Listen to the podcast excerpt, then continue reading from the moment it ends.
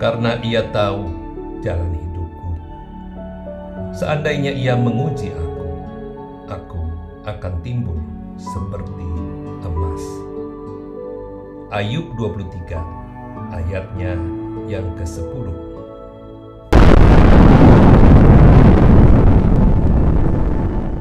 Pada Oktober 1991 telah terjadi firestorm atau dikenal dengan nyala api yang sangat besar dari sebuah ledakan.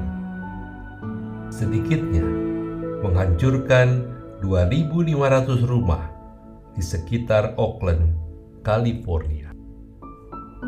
Ketika orang-orang kembali ke rumah mereka yang telah hancur dan memeriksa reruntuhan, mereka mendapati bahwa semua harta milik mereka telah menjadi abu.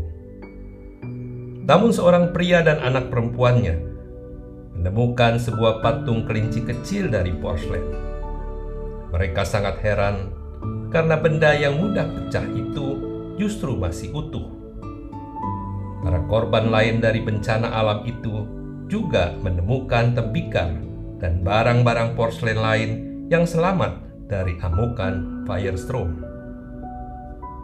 Pada hari Minggu setelah bencana itu, pendeta setempat membawa sebuah vas yang masih utuh ke mimbarnya. Itu adalah satu-satunya benda yang ia temukan dari reruntuhan rumahnya. Ia bertanya kepada jemaatnya, "Anda tahu mengapa benda ini masih utuh?" sedangkan rumahku justru hancur. Ia menjawab pertanyaannya sendiri dengan berkata, "Karena benda ini pernah melewati api sebelumnya."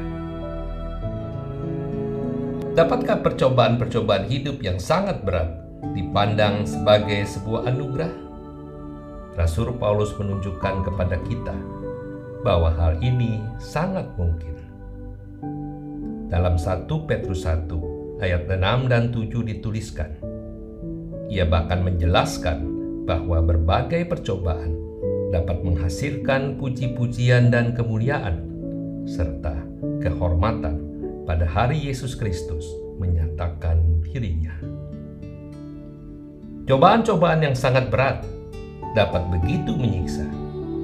Tetapi apabila kita memikul cobaan itu dengan kasih karunia Allah, iman kita akan muncul dari tungku yang berkobar-kobar menjadi lebih murni dan lebih kuat daripada sebelumnya. Api memurnikan emas, kesengsaraan akan memurnikan iman kita.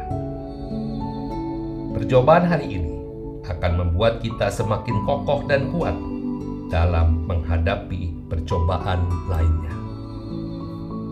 Saudara, Tuhan tidak pernah berjanji langit akan selalu biru, tetapi Dia berjanji akan selalu menyertai kita. Tuhan tidak pernah berjanji jalan akan selalu rata, tetapi Dia berjanji akan memberikan kekuatan.